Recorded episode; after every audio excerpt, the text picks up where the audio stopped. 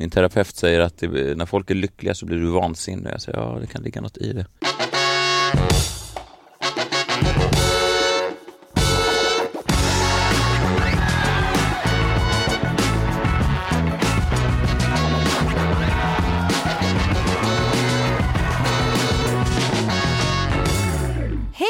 Välkomna ska ni vara till Gott Folk. Podden där jag, Hanna, sätter våra mest intressanta svenskar i moraliska dilemman och försöker bena ut vad som egentligen är en bra människa. Och tycker de här eh, intressanta svenskarna, det vill säga kändisarna, att de själva är goda? Veckans gäst är komikern, programledaren författaren kallar han sig själv, men han har inte skrivit någon bok. Men det är i alla fall Messiah Hallberg. Jag ska vara ärlig med er och säga att jag har redan spelat in den här intervjun, så att introt nu spelas liksom in efteråt. Och det kanske är kul för er att höra några reflektioner från den här intervjun. Eh, det, jag älskar ju Messiah Eh, eh, och framförallt hans fru, eller tjej, de är inte gifta, Kristina Nordhager. De hade den här podden Geniförklarat ihop, som jag tyckte var Sveriges bästa podd. Den finns ju inte kvar längre, eh, men Messiah är aktuell med en standup-show som heter Scener ur ett äktenskap. Han lovade mig två gratisbiljetter, så jag tänker att jag kan göra lite reklam för den showen. Eh, nej men jag tyckte att intervjun gick bra. Man gillar ju honom. Man blir också förvånad över att... Alltså, det är ju någonting som hänger kvar från att han hade den här äh, högerkaraktären, den här Brat karaktären som han gjorde mycket stand-up med. Så man tänker ju att Messiah ska vara liksom en liksom, eh, Östermal, störig Östermalmskille Eh, liksom, om man inte vet mer om honom. Eh, men det är han ju verkligen inte. Eh, och jag tycker att han känns ärlig också. Eh, han känns liksom inte som någon hycklare som säger saker för att han borde säga det. Och det är alltid skönt att få prata med sådana personer som vet, har självinsikt och vet om att de kanske inte är perfekta jämt. Ja, ni får själva avgöra. Eh, jag hoppas att ni tycker om intervjun. För här kommer den. Grattis till barnet, jag menar inte så. Tack! Ja. Vecka, hur, hur långt gånget är det? Vecka 16. Ja, så då är det över den uh, kritiska ja. 12 veckors. Ja. Men jag fick ett meltdown igår för jag trodde att jag hade dödat det. Oj. För att jag låg i en flis med datorn på magen. Ja, och så det blev för varmt? Liksom. Ja, men så sa min kille, är det där verkligen så bra? Så hade jag legat så i fyra timmar. Oj. Tänkte ja, att... Fast jag tror de tål det ganska Ja, mycket. jo. Ja. Du har lyssnat på ett avsnitt? Mm -mm. Ja, vad bra. Ja. Så du vet vad, vad det handlar om. Ja. Generellt snack och sen lite kul för att jag har intervjuat dig en gång förut och då var det också lite på det här temat. Det var som att jag åker mm. runt och vi pratar om godhet. När jag, var det här? Ja, men jag intervjuade dig om, eller intervjuat dig flera gånger, men om att vara en bra kille. Ja, ja, ja, mm. precis. Just det. Mm. Och då kände jag lite så här, men herregud, ska jag igen? Liksom. Mm. mm. Men här är vi. Ja, det är vi verkligen. Ja, hur mår du? Eh, eh, bra, jag har precis eh, sänt morgonradio. Är vi, kör vi nu? Är det här, ja. Kan det här gå ut? Ja, ja. Det här kan gå ut. Men du kan få lyssna på avsnittet innan om du känner Nej, nej, nej, nej, jag menar bara att ska jag svara ja. som att... Ska du svara i karaktär? Fråga. Ja. Eh, jo, men det är bra. Jag har precis sänt eh, morgonradio, vilket alltid innebär att man är lite... Man är liksom kreativt eh, slut sådär. Mm. Är du söndersnackad? Ja, men det är lite det. Man är lite trött på sin egen röst och sina egna eh, tankar. Mm. Men, eh, men annars är det nog bra tror jag. Våren är ju strax här va? Mm. ja, ja. ja, den är ju det. Mm. Vad, men vad kan du inte berätta för de som inte vet? Mm. Vad, vad är det du gör? Du sänder morgonradio? Du ja. Eh, ja, eh, precis. Sänder morgonradio, eh, har gjort sista ett och ett halvt åren på eh, Energy mm. med Adam Alsing och Klara Doktorov och eh, förutom det så är jag väl i grunden journalist och sen är jag ju då Sveriges främste manliga ståuppkomiker och eh, eh, ja, lite sånt skådisgrejer ibland och sen så ja, brukar jag kalla mig själv författare fast jag har aldrig gett ut några böcker så att det börjar, den där eh, benämningen kanske man kan sticka hål på.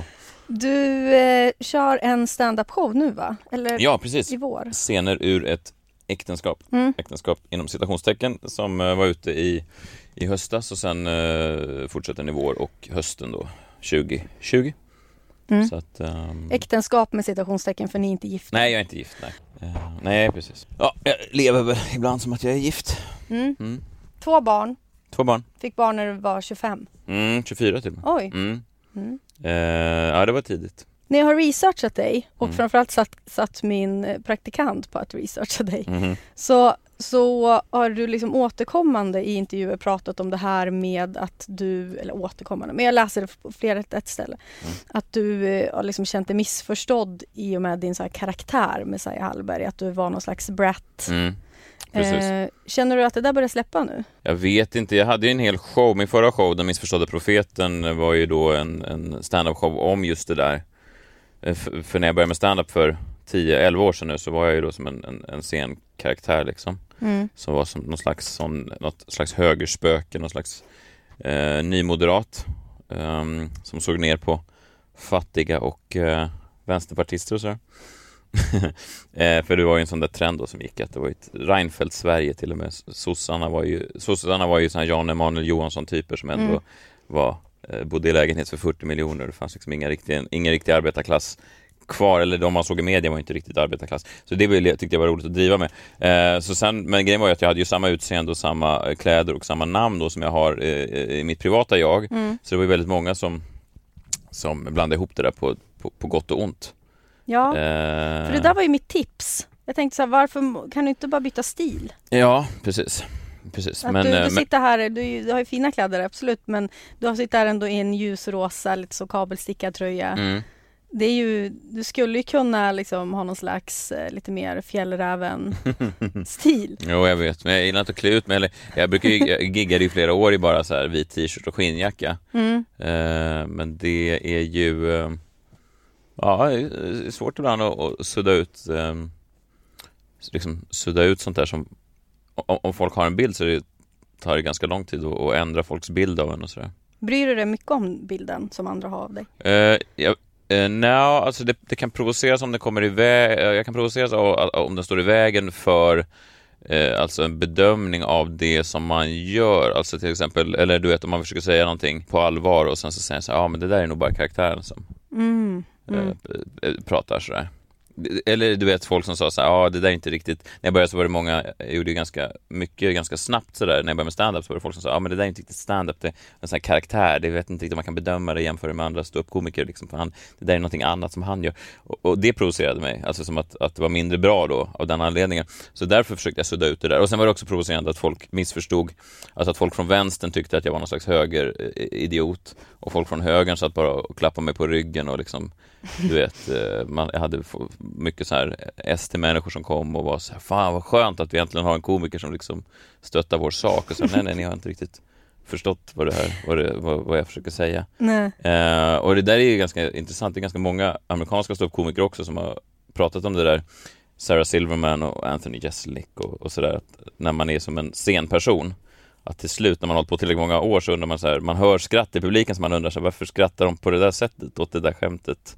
man börjar liksom vända sig emot sin publik lite grann. Ja, det blev ett långt svar, men eh, eh ja, nej, det tar lång tid att sudda ut eh, eh, det som folk har eh, för, liksom, som föreställning om en. Den här podden handlar ju mycket om vad som är en bra människa. Tycker du att du är en bra människa?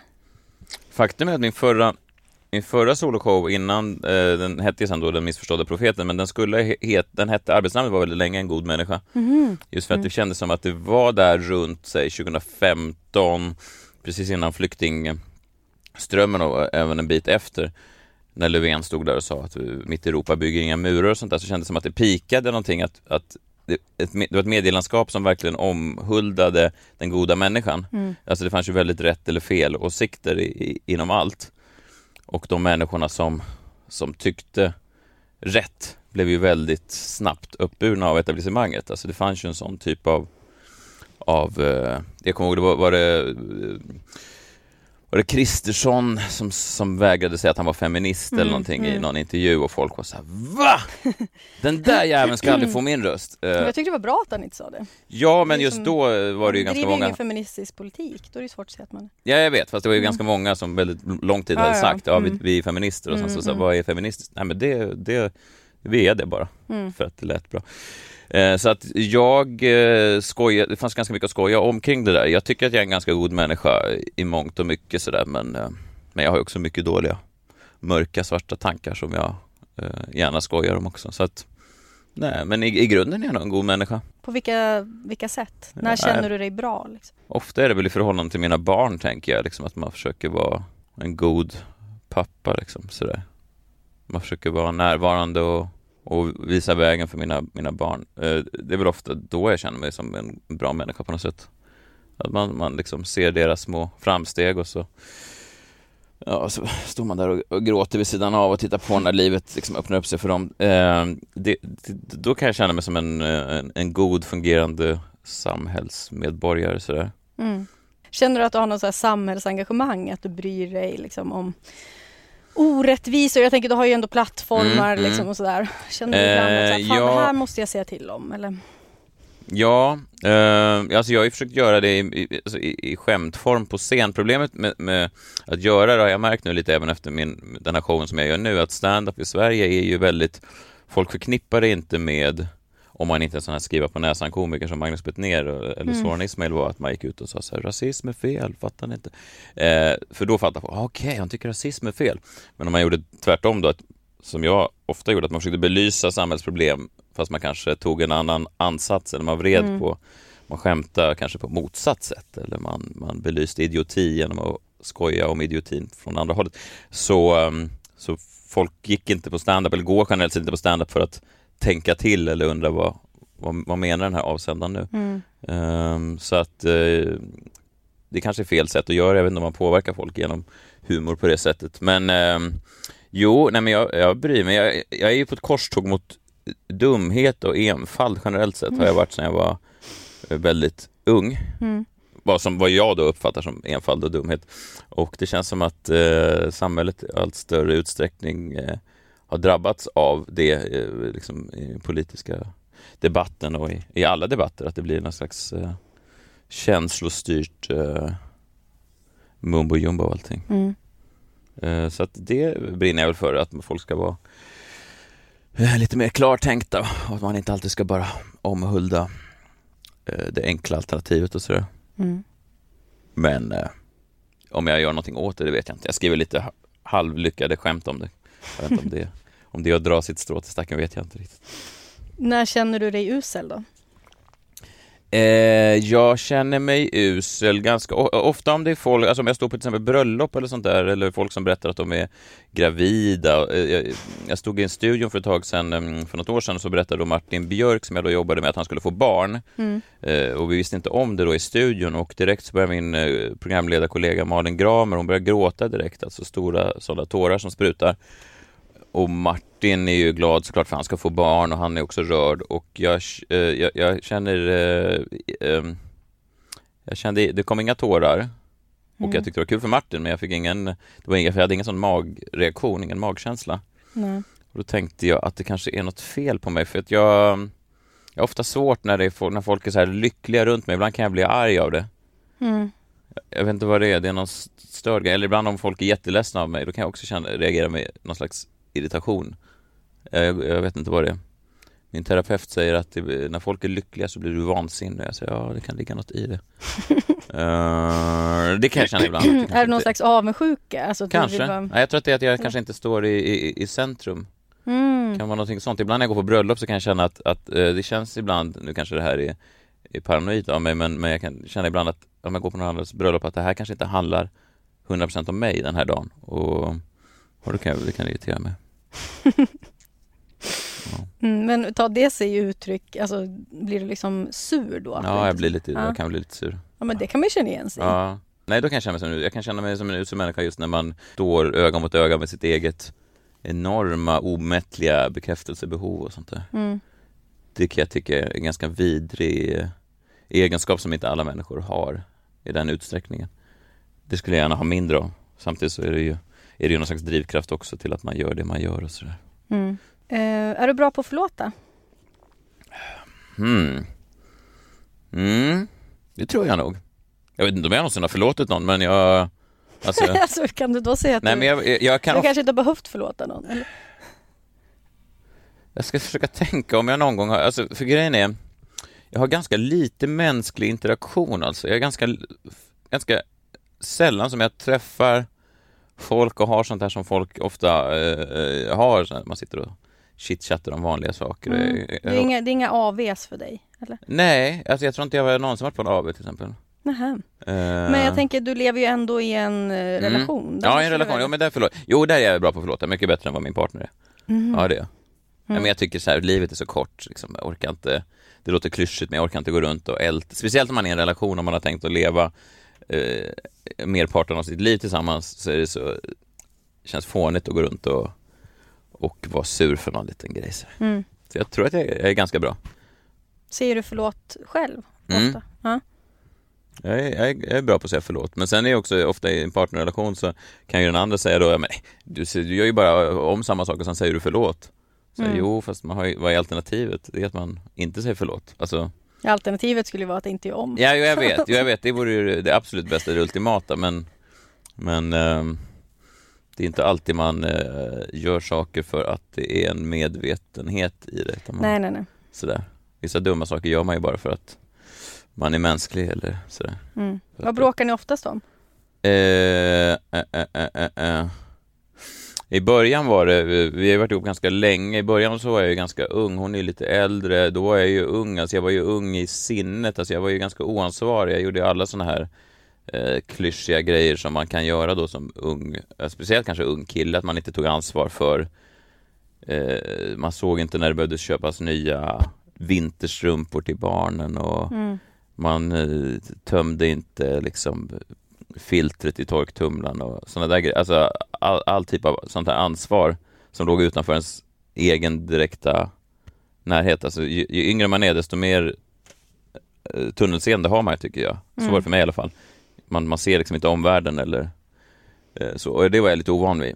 Eh, nu sådär tio år senare så, så är jag eh, långt mycket bättre på det. Sådär.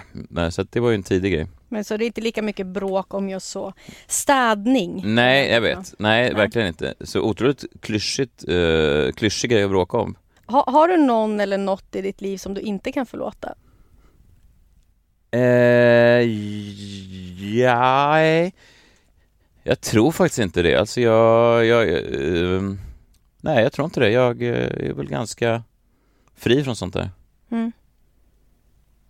Alltså, det är inget sånt trauma som kan vara så här, det där, skulle, det där tycker jag är oförlåtligt. Som, Nej, egentligen inte. Alltså jag, jag kan ju se liksom till exempel att min, min, min pappa var väldigt speciell på sitt sätt och har format mig enormt mycket på sätt som han var. Alltså att han var ofullständig som människa och sen så gjorde han mig, gav han mig vissa av de bristerna också. mm. Eh, så. Men samtidigt så kan jag ju snarare ju äldre jag blir mer sätta mig in i hur han upplevde världen snarare än när jag var barn och inte riktigt förstod. Han har ganska mycket ilska i sig och sådär och, och känsla av vanmakt och sådär. Och snarare ju äldre jag blir desto mer kan jag förstå den, den känslan som han gick runt med. Så att eh, jag kan, eh, nej jag har ingenting som jag, eh, inga sådana här öppna sår som jag känner att jag inte kan förlåta folk med för. Mm. Eh, nej. Drivs du mycket av skuld och dåligt samvete? Eh, nej, ingenting tror jag. Inte mot dina barn och sådär? Nej, Nähä. jag känner, jag har, jag har inget dåligt samvete överhuvudtaget för någonting, tror jag. Jag har, i- eller skuld. Varför skulle man ha skuld med det? Men jag tänker att, jag har ju inga barn, Nej. men jag tänker att en vanlig sån, ett sånt säg från föräldrar är väl Mm. att det är så här, det ständiga dåliga samvetet mot mina barn. Och varför skulle man ha det? Men för att man är otillräcklig, att man inte kan, man Ja, inte kan vara den perfekta föräldern. jag förstår. Jag tycker faktiskt, jag är ganska, jag är usel på det mesta i livet. Alltså jag är eh, ganska dålig liksom bilförare och simmare och skidåkare och eh, eh, säkert älskare och så vidare. Men jag är, jag är, jag är väldigt bra ståuppkomiker, jag är väldigt bra radiopratare och jag är eh, en förbannat bra pappa mestadels. Det är liksom tre grejer som jag ändå har, kan känna mig ganska begåvad på. Mm. Så att jo, jag har absolut brister och det är saker såklart man har gjort som man skulle ha gjort annorlunda om jag hade fått barn idag. För man vet ju ingenting när man först får barn så eh, om hur man ska hantera kriser och situationer. Men jag, nej, jag, jag känner ingen som helst skuld mot mina barn. Jag känner att jag faktiskt har ansträngt mig så mycket som jag har orkat och kunnat för att de ska ha det, ha det så bra som möjligt. Mm. Det lät ju skönt att jag inte, att jag inte hade, nej, jag, faktiskt, jag har aldrig tänkt på det, aldrig Nej. reflekterat över det. Men jag, nej, jag känner inget sånt mot dem. Jag tänker det är inte... Nej. Ja, nej, men jag tänker, du går, du går helt, liksom, du går igenom livet med väldigt lite skuld och inget dåligt samvete. Alltså, jag tänker också att ja, det, varför jag är liksom oförstående kring det är Mm. för att jag själv drivs så mycket av det. Jag Mhm. tänker man tackar ja till saker av skuld eller Mm. att man Jo, kan jo. känna liksom att man är skyldig Mm. grejer. Nej, jag drivs så mycket grejer, men jag skulle inte säga att skuld är en av, av grejerna. Jag eh, känner inte att jag är skyldig världen någonting eller, eller personer i min närhet sådär, någonting mer än det jag ger dem. Det låter ju skönt. Ja, precis. Men, alltså, sen, jag menar, sen har man ju mycket annat. Man, man, man drivs av en enorm känsla av otillräcklighet eller att man inte gör tillräckligt eller sådana där grejer. Men det är inte riktigt skuld i sig. Det är mer Mm. än, än man man kan vara besviken på sina egna tillkortakommanden och sånt där. Mm. Ljuger du mycket? Ehm, nej, inte som när man var barn och sådär. eh, Speciellt innan internet, då kunde man ju ljuga hejdlöst. Eh, jag minns eh, någon gång när min dotter upptäckte lögnen. Det var helt otroligt. Jag, jag stod bredvid henne i en park och så hörde jag henne prata med någon ny, något annat barn. Och så bara stod hon och pratade. Ja, men vi var i, i Grekland här i somras. Och så tänkte jag, vi inte varit i Grekland. Och då såg man på henne att hon precis upptäckt den här fan, den fantastiska världen. Att hon bara kan förstärka sina, sitt liv på ett sånt otroligt härligt sätt. Eh, och det gjorde jag mycket. Jag hittade på flickvänner och jag hittade på... På den tiden gick det inte att kolla upp. Jag hade någon flickvän som hette Kelly. Hon var amerikansk. Hon bodde i Skåne. Som jag träffade varje sommarlov. Och vi hade enormt erotiskt... Det var jag, var, jag var kanske 12-13 år. Men väldigt erotiska möten då. Jag och Kelly. Men Eh, var det inte att folk såg igenom det? Jag tycker när man själv var barn, Mm. då visste man lite, om det där är en ljugpott där, den där liksom. Jag tror det inte. Ja, det är möjligt att de i efterhand tänkte på bra. det. Nej, men jag tror att jag ljög inte alla hela tiden. Jag, jag tycker att alla hade såna här vänner som man var så här, oh, wow, jag har, jag har den där grejen hemma hos mig. Så, ah, kan vi gå hem och kolla på den? Åh, inte nu. Eh, det, jag har, den är hos min pappa, tror jag. Känns det känns som en period när alla ljög väldigt mycket. Eh, Jag tror bara att jag då som är driven av skuld inte vågade göra alltså, Nej, nej, nej, nej, dåligt samvete. Men, Nej, det hade jag inga problem med Nej. då. Eh, nu ljuger jag ganska sällan. Man kan ljuga ibland för sin... Jag kommer ihåg, eh, jag ljög någon gång för min, min partner då. Eh, när barnen var små, då kunde man ljuga ganska mycket. Det var mycket sådär i relation, att man säger så här, "Ja, jag gick upp fyra i natt med Mm. henne, så nu får du ta henne. Och så Mm. var klockan kanske sex egentligen när man gick upp. ja, ja. Sådana grejer. ja. Det var mycket så, eller har ni varit, du vet, en tjej kommer hem, har ni varit ute nu? Ja, vi var i parken. Gör man. Och så kommer jag ihåg en gång att min dotter då började säga, vi har inte varit i park. Och så, nu håller du käften. Jag sa inte det, men jag tänkte det. ja. Eh, Sådana lögner var ganska vanligt förekommande. Det är som ett, ett kallt krig då, några år där när barnen är riktigt små. Mm. Att man tävlar i vem som är mest eh, åsidosatt och vem som har mest, gjort mest. Och, ja, men man bokför allt man gör och Ja, jämför man. Ja, Mm. nästan som att man ibland står och lagar någon sån här jordärtskockspuré bara för att partner ska få se. Jävlar, hur ska du kontra det här då? Jag har gått och köpt och står och maler ner den med biter tänder. Har ni kommit ifrån det? Mm, det tycker jag. Mm. Det är inte alls lika, mina barn är nu 11 och, eh, snart 12 då, och eh, 8. Mm. Så har, det är inte, man får heller inget alls samma dåligt samvete som till exempel när man är ute på någon turné eller någonting. Mm. Eh, eh, för det hade man ju ofta då när barnen var mindre, att man kunde, om, om någon åkte iväg två dagar så kände man jävlar, nu blir ens partner fast här i två dagar med blöjbyten och allt sånt där. Men just nej, det är ju, det är ju väldigt, mina barn är ju en fantastisk ålder nu så att det är ju inget sånt. Det är ju bara, det är nästan skönt bara när ens partner är borta, för då kan man hitta på något kul utan Mm. att behöva ta, ta hänsyn till partners önskemål. Eh, sådär. Men du ljuger inte mycket nu i liksom din vardag? Känner inte att du är sån som... Nej, det gör jag inte. Däremot kan man ju ibland dramatisera grejer i, i, eh, på scen och sånt där, så man kan Mm. ju lägga till, eller snarare ta bort, alltså till exempel om jag återberättar ett, eh, ett besök i Malou efter tio, eh, som är väldigt roligt då, till exempel på scen, då måste man ju ibland dra bort grejer för att det ska bli effektivt, för att det ska funka, Mm. som punchlines i en stand-up show. Så. Mer att du överdriver kanske? Eller? Ja, överdriver är, är, kan, ja precis. Nej, överdriver Mhm. tycker jag har en negativ konnotation. Jag tänker snarare eh, för, t, eh, ta bort och eh, tydliggör. Mm. ja. Ja, men vadå? Det är väl tillåtet att berätta en bra historia? Det är väl det Mm, hela... Mm. Jag tänker, du gör väl podd också? Ja. Där måste man väl också... krydda? Ja, ja, jag försöker att inte göra det så, men eh, det finns ju dramaturgiska grepp att tillgå såklart. Mm. Ett poddtips från Podplay. I fallen jag aldrig glömmer djupdyker Hasse Aro i arbetet bakom några av Sveriges mest uppseendeväckande brottsutredningar. Går vi in med hemlig telefonavlyssning och, och då upplever vi att vi får en total förändring av hans beteende. Vad är det som händer nu? Vem är det som läcker? Och så säger han att jag är kriminell, jag har varit kriminell i hela mitt liv men att mörda ett barn, där går min gräns. Nya säsongen av Fallen jag aldrig glömmer på Podplay. Nej, vi ska köra något som heter moralsnabbisen. Jag kommer eh, säga snabba frågor Mm, och du får svara då Mm. hur du vill. Mm. Är du redo? jag tror det. Äter du kött? Ja, Varför? för att jag tycker att det är gott. Ingen... Nej, alltså, Moraliskt. ja, alltså min, min dotter är ju, hon äter inte så mycket kött. Och min, så att hon försöker få mig att äta lite mindre och det gör vi ibland. Vi brukar byta ut korv till halloumi och, och eh, ibland köttfärs till korn och, och sånt där. Mm. Så att det är ju någonting som jag ändå tänker på sådär. Är det för att hon har fått lära sig i skolan att klimat... Nej, hon är bara en mycket bättre människa än vad jag är. Hon är bara mycket mer medveten om eh, hennes på... Eller hon, hon tar in sin påverkan på världen mycket mer än vad jag gör.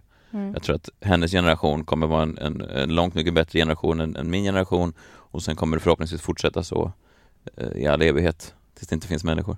Eh, så att, ehm, men jag äter kött, eh, det gör jag och jag har inga enorma betänkligheter kring det heller. Har du klimatångest? Nej, jag tror inte jag har det. Alltså jag har det i det, i, alltså att jag rent faktamässigt förstår att vi håller på och förstör eh, den enda planeten som vi kan bo på. Mm. Alltså det är jag fullt medveten om och eh, accepterar och tycker såklart att det är för jävligt. Men att jag skulle gå runt och säga att jag mår dåligt varje gång jag flyger eller någonting, det stämmer inte. Alltså, jag tar tåg om jag kan i Sverige istället för flyg och sånt. Varför gör du det då? Ja, för att jag tänker att jag drar något litet strå till stacken. Ja. Av samma anledning som jag diskar ur alla kesopaket och slänger något i papp och något i plast. Alltså Mm. sådär. Man stillar sitt dåliga samvete. Av samma anledning som att jag ger eh, tiggare pengar varje gång jag har pengar på mig. För att jag tänker att det är väl en, någon slags gest att jag inte är helt genomusel sådär. Mm. Eh, men jag är inte, jag går inte runt med någon klimatångest, det kan jag inte säga. Alltså jag tror att planeten är, att det är kört. Jag tror inte vi kan vända utvecklingen. Alltså om det inte är Mm. eh, politiska beslut på högsta, från högsta ort. Jag menar om man tittar på alla länder som väldigt länge var u-länder och nu plötsligt har fått tillgång till det som vi i väst har haft i, i, i decennier. Mm. Och så plötsligt kommer vi att säga, vet du vad, vi har faktiskt använt upp allt det där så ni får gå tillbaka lite i er utveckling. Kan ni bara bromsa? Och de står där med alla sina maskiner och säger, fan vad, det är nu vi ska, nej nej nej, bromsa med det, vi har faktiskt haft kul här i väst så nu får ni ta det. Det kommer ju inte, eh, det kommer inte hända. Så att jag tror eh, att det är en... eh, Men jag tänker, det är inte så... Svårt. du förstår att det är så rent intellektuellt, Mm. men det är inte så att du påverkas, liksom att du blir rädd eller Nej. liksom känslomässigt. Nej. Nej, faktiskt inte, för jag tänker att jag är död när det väl eh, händer. Och dina barn har... Ja, de, är, de, de kommer nog också inte finnas när det verkligen drabbas. Sen kanske mina barnbarn eller barnbarnsbarn, men de kan ju vara, det kan ju vara vilka idioter som helst, det vet man ju inte. De kanske förtjänar det. Du nämnde att du diskar ur eh, kesopaket. Ja. Det betyder att du källsorterar då? Ja, Mm. ja det gör jag jättemycket. Jag trodde inte min, det var ju min partner som fick mig göra det. För jag kommer från en sån eh, familj som bara slängde allt i samma säck. Alltså du vet, Mm. så här, vinflaskor, glasflaskor, torktumlare. Eh, allt ner i samma kasse och sen så bara Mm. ner i sopnedkastet. Eh, sen då för ja, ett decennium sen så, så började jag med det. Jag trodde inte min, min partner då var riktigt eh, klok när hon höll på sådär och samlade en massa sopor under disken. Det luktar ju för jävligt för vi, ibland diskar vi inte ur ordentligt sådär. Mm. Men nu är det jag som driver det där. Eh, Vi bor ju också i en sån där stadsdel i, i, i Stockholm som är, jag tror Sveriges mest miljövänliga. Mhm. Där det är, det är såna här- kompost eller? ja men det är såna här um, eh, vad heter det, som de har i USA, som maler ner all mat. ja, eh, kvarn. Ja, matkvarn, ja mm. precis. Ja, alla hushåll har matkvarn, Mm. alla olika sådana glas och plast och sånt där i anslutna, de här rören, de är anslutna så de går i någon slags eh, rör under marken direkt till någon förbränningscentral. Och, Mhm. Eh, man ska inte ha så mycket bilar i området, alla Vart cyklar. finns det här? Är det Östermalm? Eller? Ja, norra Djurgårdsstaden, eh, som är en sån där super-eko-stadsdel. Ja. Så att, eh, ja men sånt gör jag. Har du gjort botox? Eh, nej, Är det sant? jag skojar. nej, jag har inte gjort botox. Har du gjort fillers? Nej, Kändes ändå som att du skulle kunna testa. nej, nej, det har jag aldrig gjort. Nej. Eh. Jag ser arg ut då. Jaha, väldigt lite rynkor. Ja, jag, jag, jag åldras ju långsamt så eh, än så länge, men det kanske kommer intensivt. Någon gång så måste det slå till och då kanske jag blir 50 över natten, vem vet. Men nej, jag har inte gjort det. Jag eh, tänker att ganska få människor som lyckas hantera det där med någon slags värdighet, alltså det blir ganska, det ser ganska snabbt eh, Folk får ju såklart göra vad de vill men eh, det är lätt att, det, att man, man måste ha mer och mer hela tiden. Mm. Så. Å andra sidan är det ju de du ser då, du vet ju inte. Det är sant, bra poäng. Mm. Nej, det kanske är... Jag har Kanske, gjort botox. är det sant? Mm. Men nu är jag gravid så nu får jag inte göra det. Jaha. Nej, det hade jag aldrig anat. Nej. Eftersom jag är så det- jävla rynkig. Nej, nej, nej, nej, men, nej, men, Det är inte min, det är inte men var har approach. du eh, satt det då? Va? Var, har- var sätter man det? Eh, satt i pannan. Alltså Jaha. eftersom att jag har sån rynka här. Jaha, men det har jag också. Då kanske jag Ja. skulle kunna ta bort den med lite botox. Det är faktiskt ganska kul att göra botox. Jaha. Ja, men då så. Du har jag omvänt, omvänt en så- i alla fall. En poddgäst i taget. Nej men det är ganska kul för man får ju nya miner. Alltså när Okej. man liksom slår ut vissa muskler så Ja. liksom, när jag gjorde bot- jag har ju bara gjort det två gånger, tre. Mm. Ja, men då i alla fall så kan ju, så är det andra muskler som utvecklas. Jaha. För att vissa används ju inte. Nej, så nej, då var det som att mina ögon, jag kunde se väldigt, väldigt ledsen ut. Alltså. Jaha, vad spännande. Mm, Eh, Bra jobb eh, de som har gjort eh, din botox då. Ja, Ja. verkligen. De, de ska Mm. ha all cred. Tycker du att kvotering är bra? Mm, ja, jag tycker... Alltid en känslig fråga såklart. Man tycker ju att eh, i grunden så ska de mest meriterade människorna ha jobb och platser och sådär. Sen har det väl varit en, eh, ofrånkomligen har det väl varit så att folk har frångått det där och gett bra positioner till vänner och eh, bekanta och folk som har delat vissa åsikter eller vissa bakomliggande karaktärsdrag och de karaktärsdragen har väl ofta varit könsmässiga eh, i Jag många menar, det där var bolagsstyrelser. alltså för att säga att män rekryterar män? Eller? Eh, ja, det har väl varit så i alla fall, i, in, in, speciellt inom finansvärlden och så, här, så Mm. har det väl varit ganska eh, uteslutande så att det varit en, en, en kultur av, av män som har promotat andra män. Men mm, det är en svår fråga. Jag, eh, I grunden så tycker jag att man ska gå på meriter. Ska droger legaliseras? Eh, det tycker jag inte. Jag vet, att många, jag vet att många förespråkar det. Jag tycker inte det rent bara på anekdotisk bevisföring i mitt eget liv. Alla människor som någonsin använt gräs har blivit dumma i huvudet till slut. Eh, de sitter och stirrar in i väggen och ser helt tomma ut i blicken. Alltså de som röker mycket.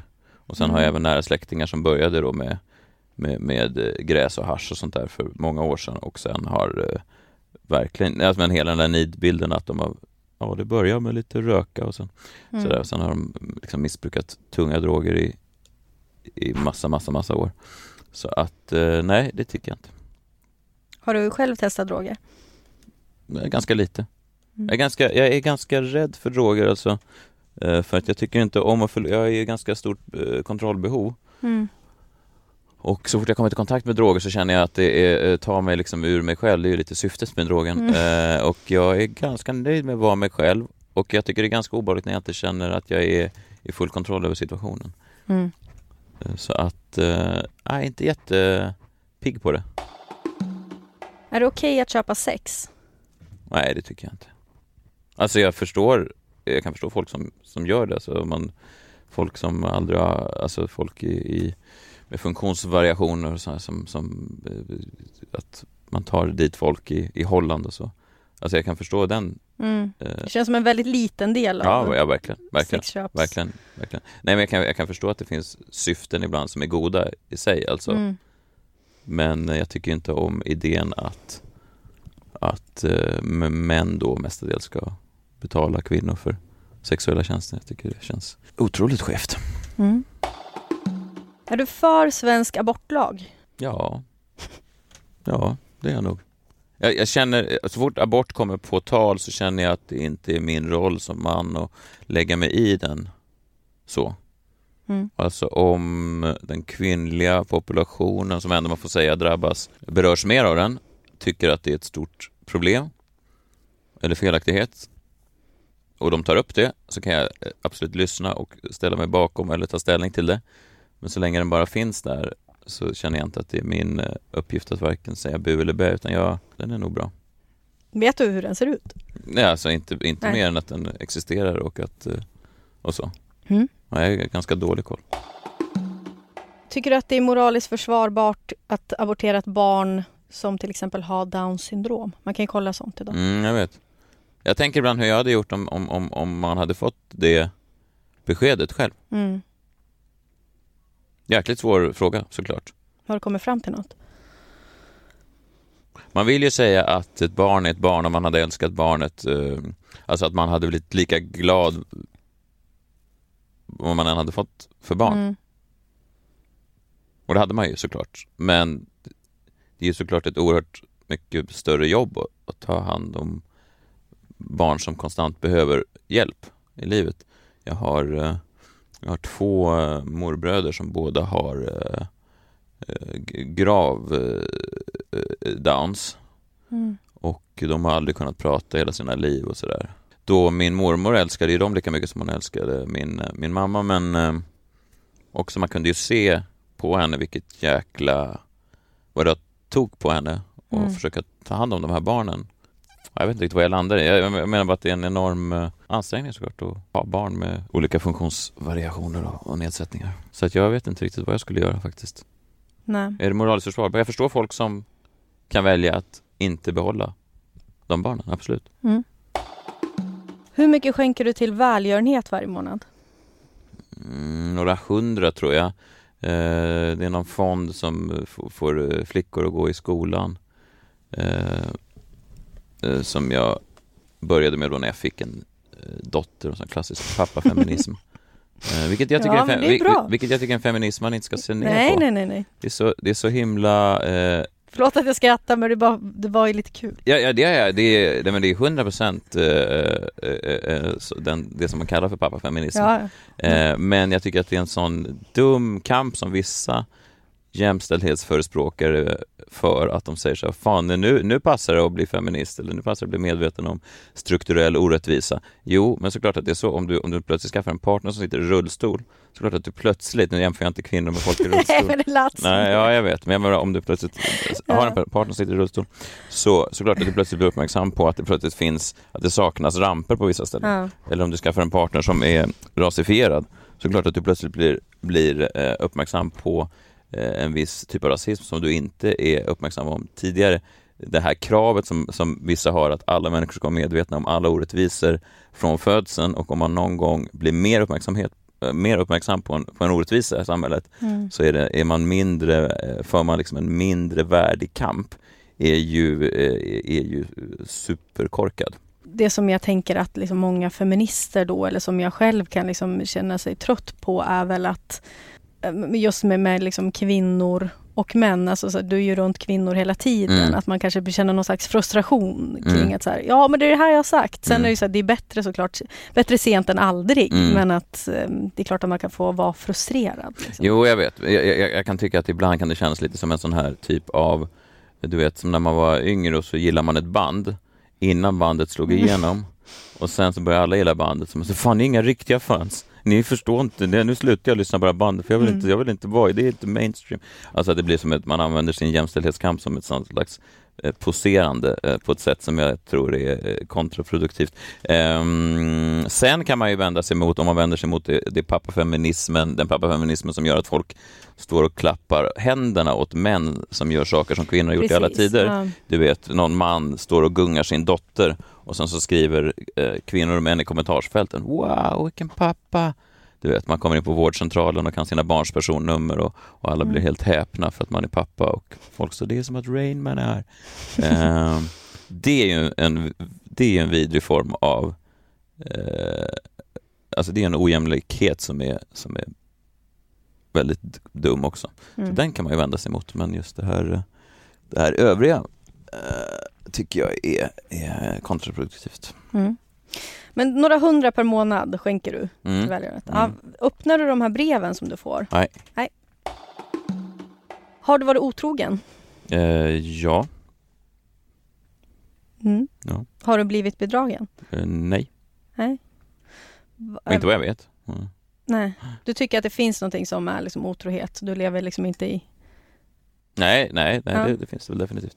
Eh, ja, men det har jag varit. Vill du berätta eller är det för privat? Nej, nej, nej, nej men det, det har varit sådär Mm. i vissa relationer. Men ehm, Är det också någon bekräftelse? eh, det tror jag 100% att, det- att det var vid, vid, vid de tillfällena. Ja. Mm. Det hade ingenting att göra med någonting annat än ren eh, bekräftelse. Mm. Är du uppmärksam och lämnar över ditt till exempel bussäte när äldre eller gravida kommer in i en buss? Mm, alltid. Jaha. Ja, det är en av få grejer som jag faktiskt gör som jag, som jag, som jag tycker ja, men då kan jag känna mig som en god människa. Mm. Jag blev vansinnig när min tjej var gravid och folk bara satt, alltså att de satt i bussen framför henne och fick stå och hålla sådär. Mm. Då fick man ju gå och säga till. Och så. Jaha, du går ändå och säger till. Ja, Ja. Vad säger du då? då? Ur vägen.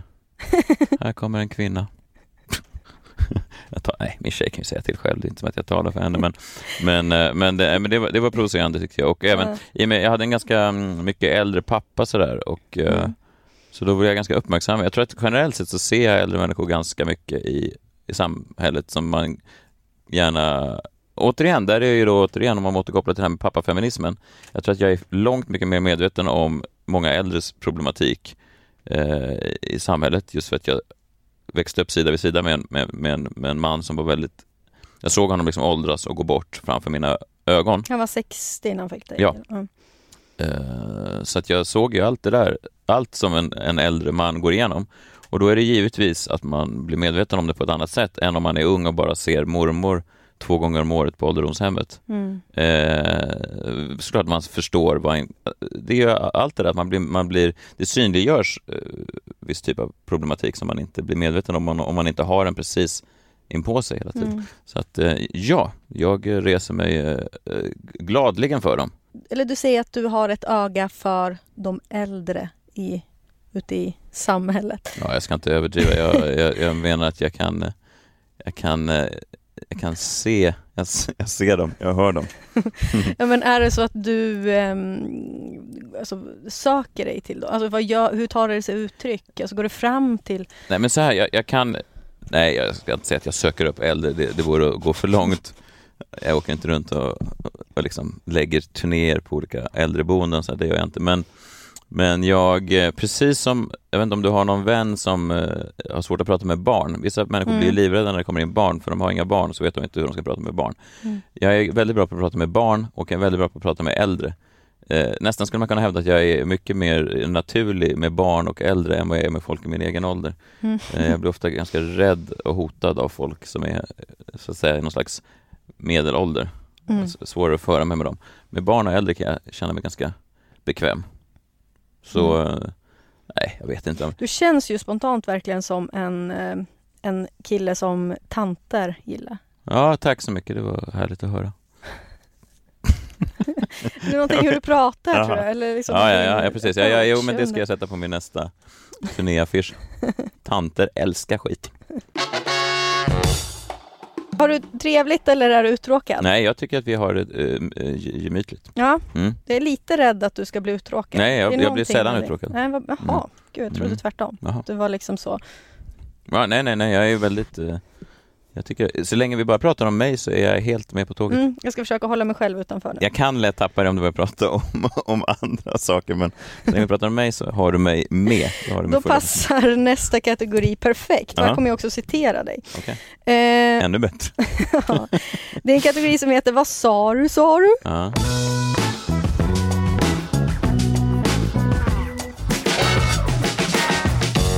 Den 12 januari 2019 säger du jag kommer stötta den statsministerkandidat som sänker priset för hemkörning av mat i Stockholms innerstad. Egentligen den enda politiska frågan jag brinner för. Det var en rolig tweet. Jag tror Ja. att det var en tweet. Ja. Eh, Jag förstår ju att det är sagt med... ja.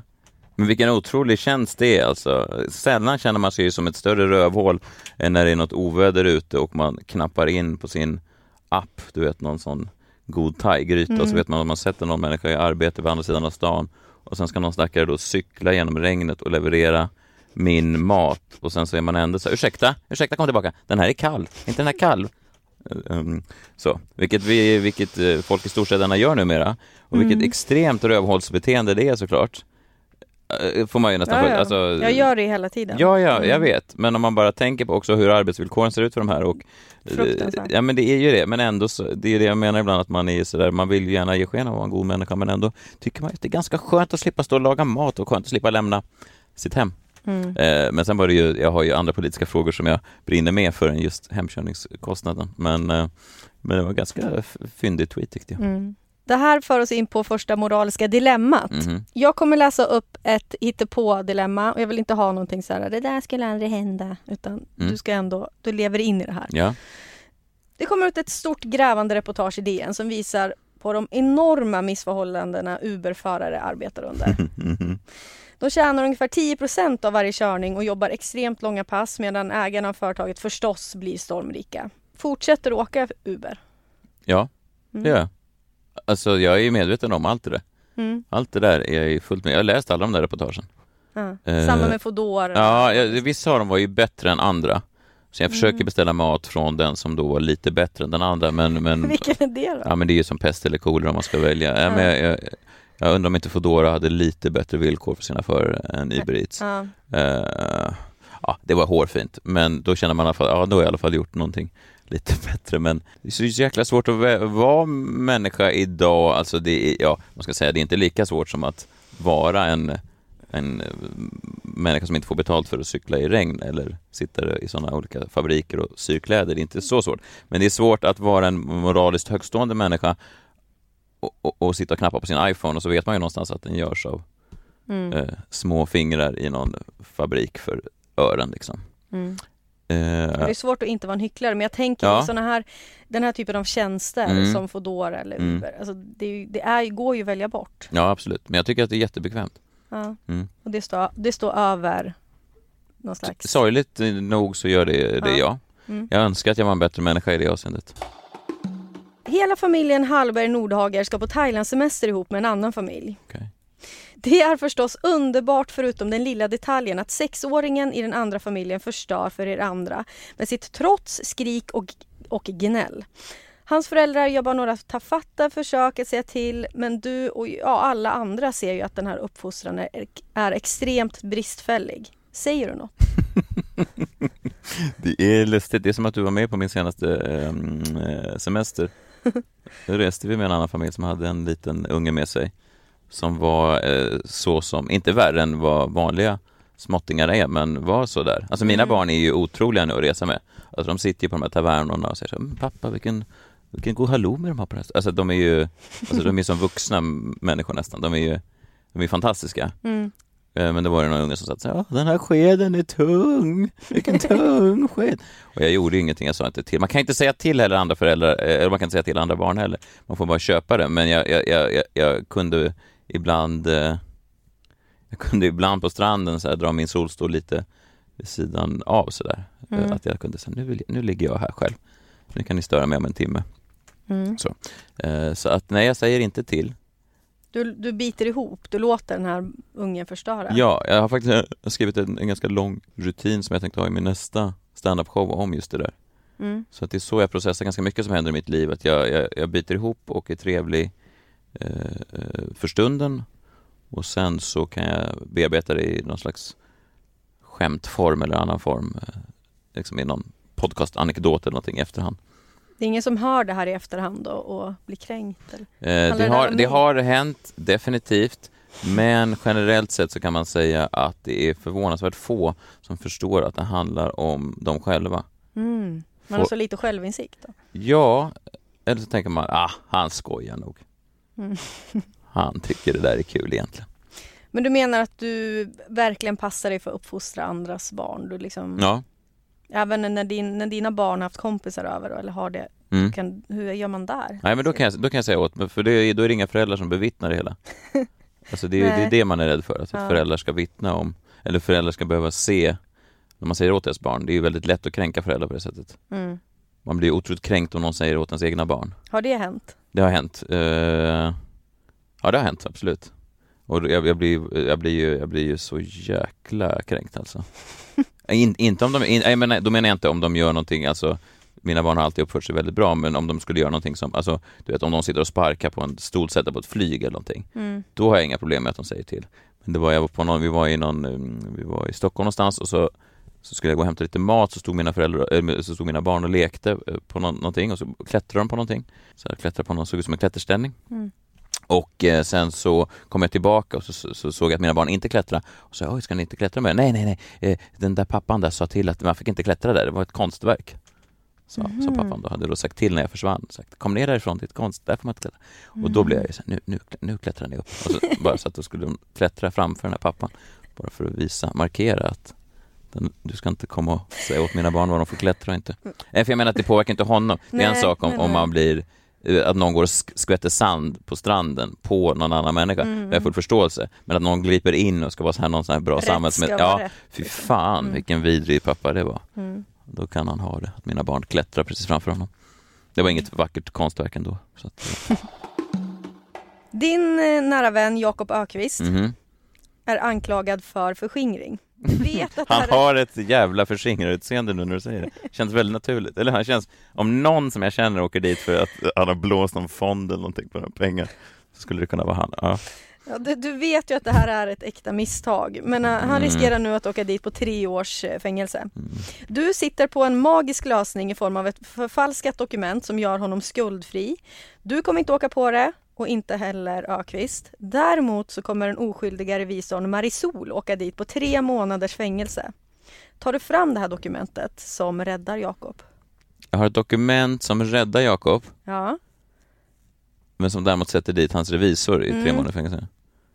Vad sa du, det var ett legitimt dokument? Ja, alltså du, det, ja, det är ett förfalskat. Alltså, Ja. Han är ju skyldig, men Okej. det är liksom ett äkta misstag. Han har gjort fel, Ja. liksom, men han har ju varit klantig. Jag förstår. Eh, Men du kommer inte åka dit på den. Du kommer liksom inte åka dit på. Du Så jag räddar. Jakob men jag sätter dit någon annan i Mm, fängelse? Ja, men ett kortare fängelsestraff. Hon åker, Marisol Ja. åker bara dit på tre månader. Fy fan alltså. Ja, eh, det kanske jag... Fan, det var ju svårt ju. Hon har barn i 20-årsåldern. Oj, oj, oj. 20-årsåldern, för Mm. då är ju inte längre försörjningsplikt på samma sätt va? Eh, eller hur, de är stora, de kanske hon är en väldigt fin kvinna. Ja, det kan jag tänka mig. Ofta är de ju det som jobbar just med revi- revisorstjänster. Men Mm. ehm, Ja, det, ja men det, fan, jag vill inte sätta någon i fängelse eller Nej, om jag hade vetat att Jakob hade varit skyldig så hade jag inte gjort det. Har Jakob små barn? Ja, han har småbarn också. Tre, tre år? Ja, jag vet, men hade jag vetat att Jakob var skyldig då, då hade jag sagt att jag är ledsen, jag kan inte göra det här för dig. Jag missade en grej i dokumentet. Ja, nej, nej, nej, nej. ja vad fan vad svårt det var. Nej men, eller bura in Marisol då, jag känner inte henne så bra. Jag har aldrig träffat henne? Marisol, Marisol säger jag. Ja, Marisol, ja, ja, men, nej, nej, men jag, jag, jag har aldrig träffat henne, jag har inte en podcast med henne direkt. Så att, eh, nej då, nej, då får hon tyvärr göra Oj. tre månader i, i Hon- finkan. Hon kommer må riktigt dåligt. Ja, det kan jag tänka mig, men det kan ju bli en bra podcast-anekdot när hon kommer ut kan jag tänka. Kan bli gästa. Messiah och Marisols podcast. Sånt fängelsetema. Du är i en mataffär och ser en väldigt ung person köpa sig. Man ser att eh, henne är långt under 18 år. Mm. Personen i kassan frågar inte om åldern utan låter det passera och den här ungdomen får köpa ciggen. Säger du till? Eh, nej, det gör jag inte. Jag eh, tycker att folk ska få... Det här är ingen jag känner, eller hur? Nej. nej, nej. Låt folk göra vad de vill, tänker jag. Du är Det- inte som den här pappan vid konstverket. Där, Nej, liksom. nej, nej, nej, det är jag inte. Nej. Det är jag fak- faktiskt inte. Eh, nej, det, jag har själv stått där och försökt liksom köpa ut grejer när man har varit mindreårig och hade blivit väldigt irriterad om någon hade kommit och läxat upp mig. Mm. Så att, just om det bara är sig så tycker jag att det är okej. Mm. Hade det varit heroin kanske jag hade reagerat. ja, förhoppningsvis. Nu säljs ju inte det på Coop, men inte på alla Coop. Antingen eller. Pest eller kolera. Ja, Antingen så tvingas du vara nya Martin Björk i Trivagos reklamer som rullar i varje reklampaus i ett år. Eller så råkar du dra ett uselt skämt om förintelsen i live-radio vilket gör att du för stora delar av Sverige blir känd som förintelseförnekare. Många förstår ju dig, fattar din Ja, humor. Men ja. vissa, du vet Aftonbladet gör någon... ja, ja, ja, ja. jag hade nog eh, valt förintelsegrejen. just för att i det avseendet så är det också som komiker så är man så van vid att folk kan ta, alltså det behöver inte vara ett skämt om förintelsen, det kan vara ett skämt om cykelhjälmar och så säger folk ändå att han hatar folk som dör i cykelolyckor. Eh, och sen så blir det en lika stor grej. Mm. Eh, folks mottagande av skämt är ju liksom oftast under all kritik, speciellt i media och speciellt folk utan humor för de förstår inte de kan liksom inte läsa av en situation, så jag hade nog definitivt valt det. Trivago är ju liksom... Eh, eh, Du skulle ju inte få pengar för det. Skulle jag inte få pengar? Nej, du tvingas bara göra det. Jaha, nej, då skulle jag definitivt ta förintelsegrej. Ja. Vad tänkte du säga om Trivago? Nej, nej, men den är ju lite förknippad med en annan person och Mm. sådär. Så att... Nej, det skulle kännas trist att gå in och liksom pissa på hans revir. Antingen blir dina barn eh, mobbare eller så blir de mobbade. Mobbare. Snabbt svar ändå. Ja, men att varje gång ens barn har ens varit i närheten av att bli utsatt för mobbing. Fy fan, det är ju nästan den värsta känslan eh, man har upplevt. Alltså att de någon gång bara, bara från väldigt tidig ålder, liksom att någon, alla vill bjuda på ett kalas utom en eller sådär. Mm. Det är ju, en, den maktlösheten man känner, sig, känner där då, den är ju avgrundsdjup alltså. Det är en vidrig känsla. Mm. Sen såklart, optimalt är ju inte heller att de mobbar folk. Men jag tror jag skulle ha lättare att tala dem till rätta. Då kan man i alla fall på något sätt föregå med gott exempel eller säga åt dem vad som är, vad som är fel. Mm. Att bli mobbad är ju svårt som förälder att göra någonting åt. Ja, du har lite mer kontroll ifall de är mobbare. Ja, jag känner att man kan eh, vidta åtgärder. Mobbad, eh, om man är mobbad så kan man ju som förälder nästan inte göra någonting. Förutom att ta dem ur skolan eller gå och liksom agera mot mobbare. Nej, det är definitivt mobbare. Vad var du själv? Eh, jag var nog ingenting, jag var nog lite mittemellan. Mm. Jag var en sån typisk liksom, innebandykille med lugg och sådär, hängde med. Det fanns väl så fyra killar som mig i, i varje klass, du vet. Mm. Rickard, Joppe och alltså att det var så här, det var bara, så här, bara snubbar i bakgrunden. Spontant känns det ju som att du skulle kunna vara lite så ledartyp. Nej, nej, nej, verkligen inte. Jag, jag är inte så bra i grupp, va? jag är inte så bra när det är massa människor. Jag tycker inte om att vara, det är därför jag har svårt för bröllop och sånt där också, för att det är så mycket fokus. Jag är ganska bra, jag är, jag är en ganska bra ledare om, om jag har som ett eh, fast litet gäng. Mm. Alltså du vet, eh, sådana disciples som ser upp till mig och skrattar åt mina skämt och tycker att jag är ganska intressant och, och klok och, och, och nickar instämmande när jag säger saker. Det kan jag tycka är, är ganska härligt Mm. när de ser mig så att säga. Men om jag bara eh, suddas ut i någon slags anonym massa så tycker jag, känner jag mig extremt obekväm. Så att nej, jag, jag var ingen, ingen ledare i skolan. Bli känd som han som brinner för att eh, slopa sjöfartslagen tillsammans med Ulf Brumberg. Mhm. Du, skriver liksom artiklar, Mm. du eh, brinner verkligen för Mm. det. Eller så tvingas du starta en ny podd tillsammans med eh, kroppsaktivisten Stina Wolter. Under Mm. ett år varje Ja, jag förstår. måndag. Jag, så- eh, ett år, det är ganska lång tid. Jag var ju med med Stina, vi var med i samma upplaga av Let's Dance. Mm. Och hon var ganska krit, alltså hon var så här, kom med mycket backhanded compliments om min dans. Eh, hon var ganska kritisk, ganska sådär eh, hård liksom. Hon kom såhär, det där är ju jättebra för att vara du. Och sådär, ganska mycket sånt där. Är det sant? Ja. Försöker psyka ut? Ja, hon var ganska mycket sån. Hon var väldigt tävlingsmänniska. Så, så jag tänker att jag kanske, jag har kanske känt mig lite nedtryckt i skorna om jag hade behövt ett år tillsammans då med henne. Du kände inte att ni klickade? Jo, alltså hon var ju, det, det luriga är med folk som ler när de säger saker som egentligen inte är komplimanger, Mm. är att man tänker så här, hon är ju supertrevlig, och sen går man därifrån, vänta nu, vänta nu, det var ju så. Mm. så du vet, man, vissa kan ju vara så här, "Gud, vad du ser fräsch ut idag. Verkligen otroligt fräsch idag, du alltså, verkligen fräsch. Vad härligt att du har blivit fräsch. Mm. Och sen säger man tack och sen går man därifrån och säger vänta nu, hur var så. Eh, nu var inte det här ett direkt citat från Stina Wollter, men eh, nej, jag hade nog tyckt att det var lite kul att göra eh, den här kampanjen. Vet du, faktum var att de mejlade mig, Ulf Brumberg och det här gänget då när de gick ut med den här sjöfartslagen. Så fick jag ett mejl från någon, det var inte Ulf, men det var någon som är i det här gänget. Du, vi, vi är ett gäng grabbar som, ska, som verkligen brinner för det här med att man får dricka på sjön. Vill du vara med och skriva på den här? Ja. Och jag sa, ja, jag kanske inte delar den här... Eh, Vad säger du om det? Har du båt? ja, jag har en, vi har en liten båt som vi puttrar ut med till vår skärgårdsö, men Mm. jag är ingen sån, jag är ingen sån kille som kan skilja på styrbord och babord. Nej. Eh, nej, nej, alltså, jag avböjde vänligt men bestämt Eh, så. Men det, jag tänker att det kan vara lite kul, det var lite roligt. Det var ett härligt gäng, det var Peter Magnusson och Ja, Ulf exakt. Brunberg Ja. och, och sådär. Att, eh, Håller du med dem? att man får dricka lite på sjön? Ja.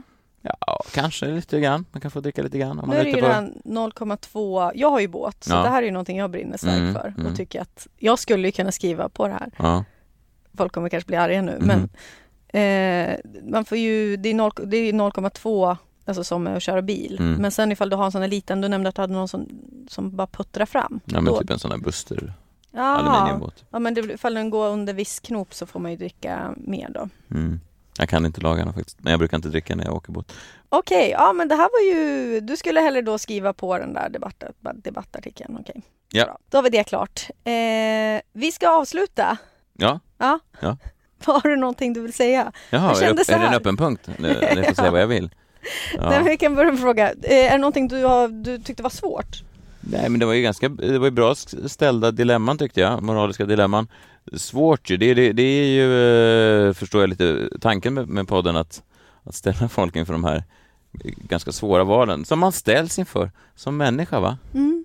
Får nog tänka Dagligen till. va? Får man att tänka till va? Ja, men förskingringen Eh. var ju lite klurig för. Ja, verkligen. Mm. Nej, men det var bra ställda eh, dilemman och det är ju, eh, det är ju svårt att försöka alltid ta den goda vägen. Man är ju sällan så god som man tänker att man är. Mm. Man tar ju ganska ofta bekväma vägar ut ur eh, kniviga situationer sådär.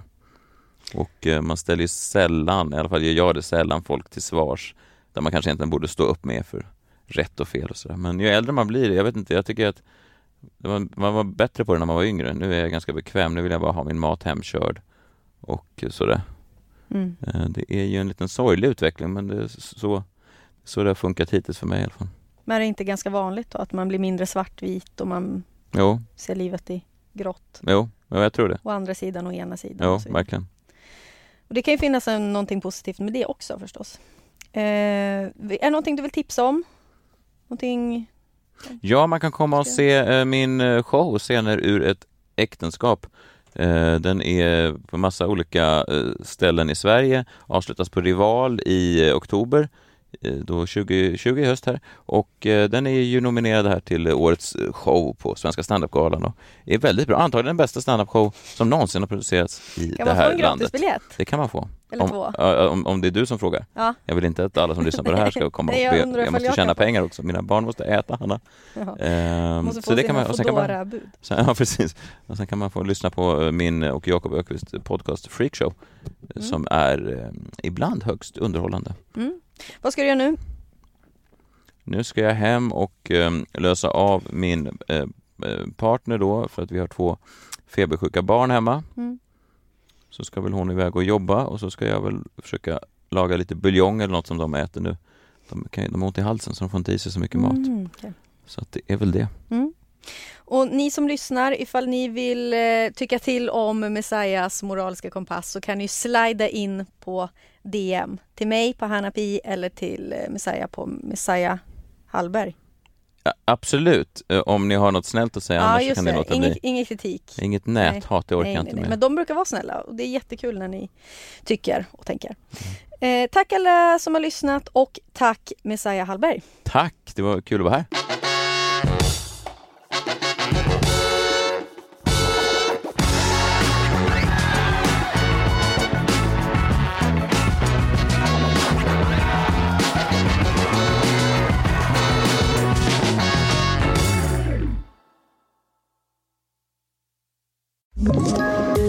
Poddtips från Podplay. I fallen jag aldrig glömmer djupdyker Hasse Aro i arbetet bakom några av Sveriges mest uppseendeväckande brottsutredningar. Går vi in med hemlig telefonavlyssning och, och då upplever vi att vi får en total förändring av hans beteende. Vad är det som händer nu? Vem är det som läcker? Och så säger han att jag är kriminell, jag har varit kriminell i hela mitt liv men att mörda ett barn, där går min gräns. Nya säsongen av Fallen jag aldrig glömmer på Podplay.